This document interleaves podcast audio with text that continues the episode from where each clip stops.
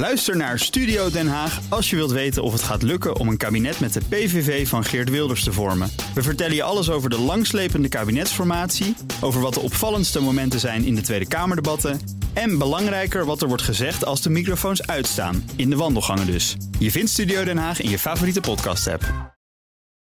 Auto-update.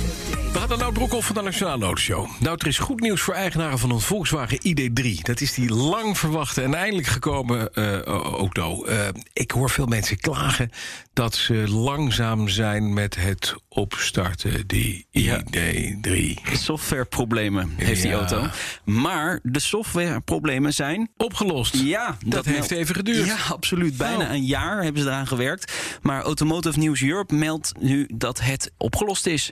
En eh, ja, er zijn toch een hoop Nederlanders die zo'n auto hebben. Bijna 5200 al geleverd in Nederland. En still counting, hè, want 1 eh, januari dan eh, gaat de bijtelling natuurlijk op de schop. Dus deze auto is nog interessant. Het heeft ruim een jaar geduurd. Uitlevering begon in september, maar de software was nog niet op orde. De oplossing is dus nu wel gevonden. Heb je een ID-free, dan krijgt die auto een software-update. Niet een paar minuten, maar enkele uren. Dus het neemt wel even wat tijd in beslag, maar dan ben je wel eh, van het gedoe verlost. Ja, ja, dat is natuurlijk wel fijn. De topman van Volkswagen, van het gelijknamige concern dus... Herbert Dies, heeft een voorspelling gedaan over autonoom rijden. Is hij wakker geworden? Dat gaat niet lukken? Nou, hij zegt het duurt nog zeker vijf tot tien jaar voordat er volledig zelfrijdende auto's op de markt komen. Eh, ja, dus dat duurt nog wel even. Alleen, ja, het is al vaker dat je dit soort voorspellingen hoort. Ja. Ik heb het vijf jaar geleden was het ook nu. Zou het nu, eh, zouden nu auto's En nu op de markt en komen? laatst de grote baas van Audi, die zei nog van... nou, dat categorie 5, dat gaan we nooit halen. Nee, precies. Dus kijk, op dit moment is er natuurlijk best wel veel gaande in de, de autowereld. Hè. Dus waar ga je in investeren? De coronacrisis heeft toch een flinke hap uit het budget gehaald. Eh, de elektrificatie haalt een hele flinke hap uit het eh, budget. Dus je moet kiezen. Wat, wat doe je wel en wat doe je niet? Zo zie je ook dat de ontwikkeling bijvoorbeeld van waterstof op, op lange baan wordt ge- gezet. En dat soort dingen. Dus eh, misschien ook dat de autonoom rijden, dat dat gewoon nu even wat minder belangrijk is voor de komende jaren. Ja. Dat is gewoon veel geld. Dat is, dat is het verhaal. Het kost, kost heel veel geld. En of, het, gaat- of je het gaat halen is maar de vraag. Nederlands wagenpark is verder gegroeid. Ja, ons land Wat heb je gekocht? Oh nee, dat- oh. Nee, dat ben jij. Jij bent van. niks. jij hebt een aardig wagenpark, Ja, toch? maar het is allemaal Nederlands, dus dat was, nee, daar groeit ik niet van. Ja. Op ons miljoen auto's, schrijft de Telegraaf op basis van Cijfovag. Ja. Het aantal is in 35 jaar verdubbeld. En de meeste auto's rijden nog steeds op. Benzine. Absoluut. 7,2 miljoen eh, stuks, gevolgd door 1,1 miljoen diesels. Mind you, elektrische auto pas 150.000 exemplaren Maar rijden hoeveel? daar voor ons. 1,2 procent hè, van het totaal. Ja, zoiets. zal het 1,4. inderdaad. Ja. ja. Als Nee, het gaat minder is.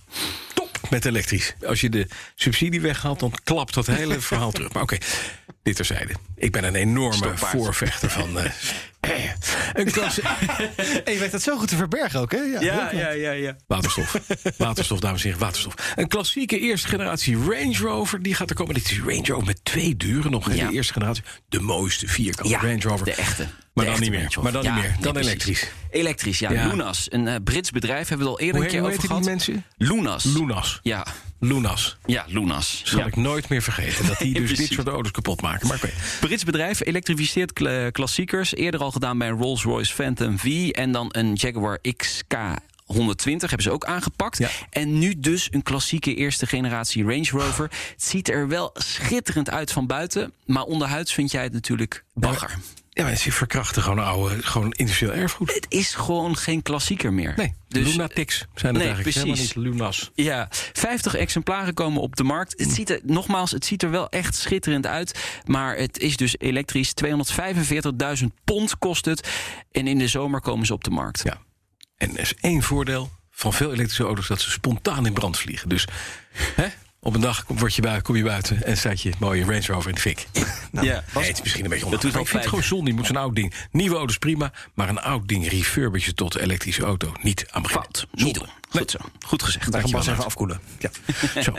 De BNR Auto Update wordt mede mogelijk gemaakt door Lexus. Nu ook 100% elektrisch. Ook Diana Matroos vind je in de BNR-app. Ja, inderdaad. Je kunt live naar mij luisteren tijdens de Big Five. Ook handig in de BNR-app. Breaking nieuwsmeldingen, maar ook het allerlaatste zakelijke nieuws. En je vindt in de app alle BNR-podcasts, waaronder Wetenschap Vandaag. Download nu de gratis BNR-app en blijf scherp.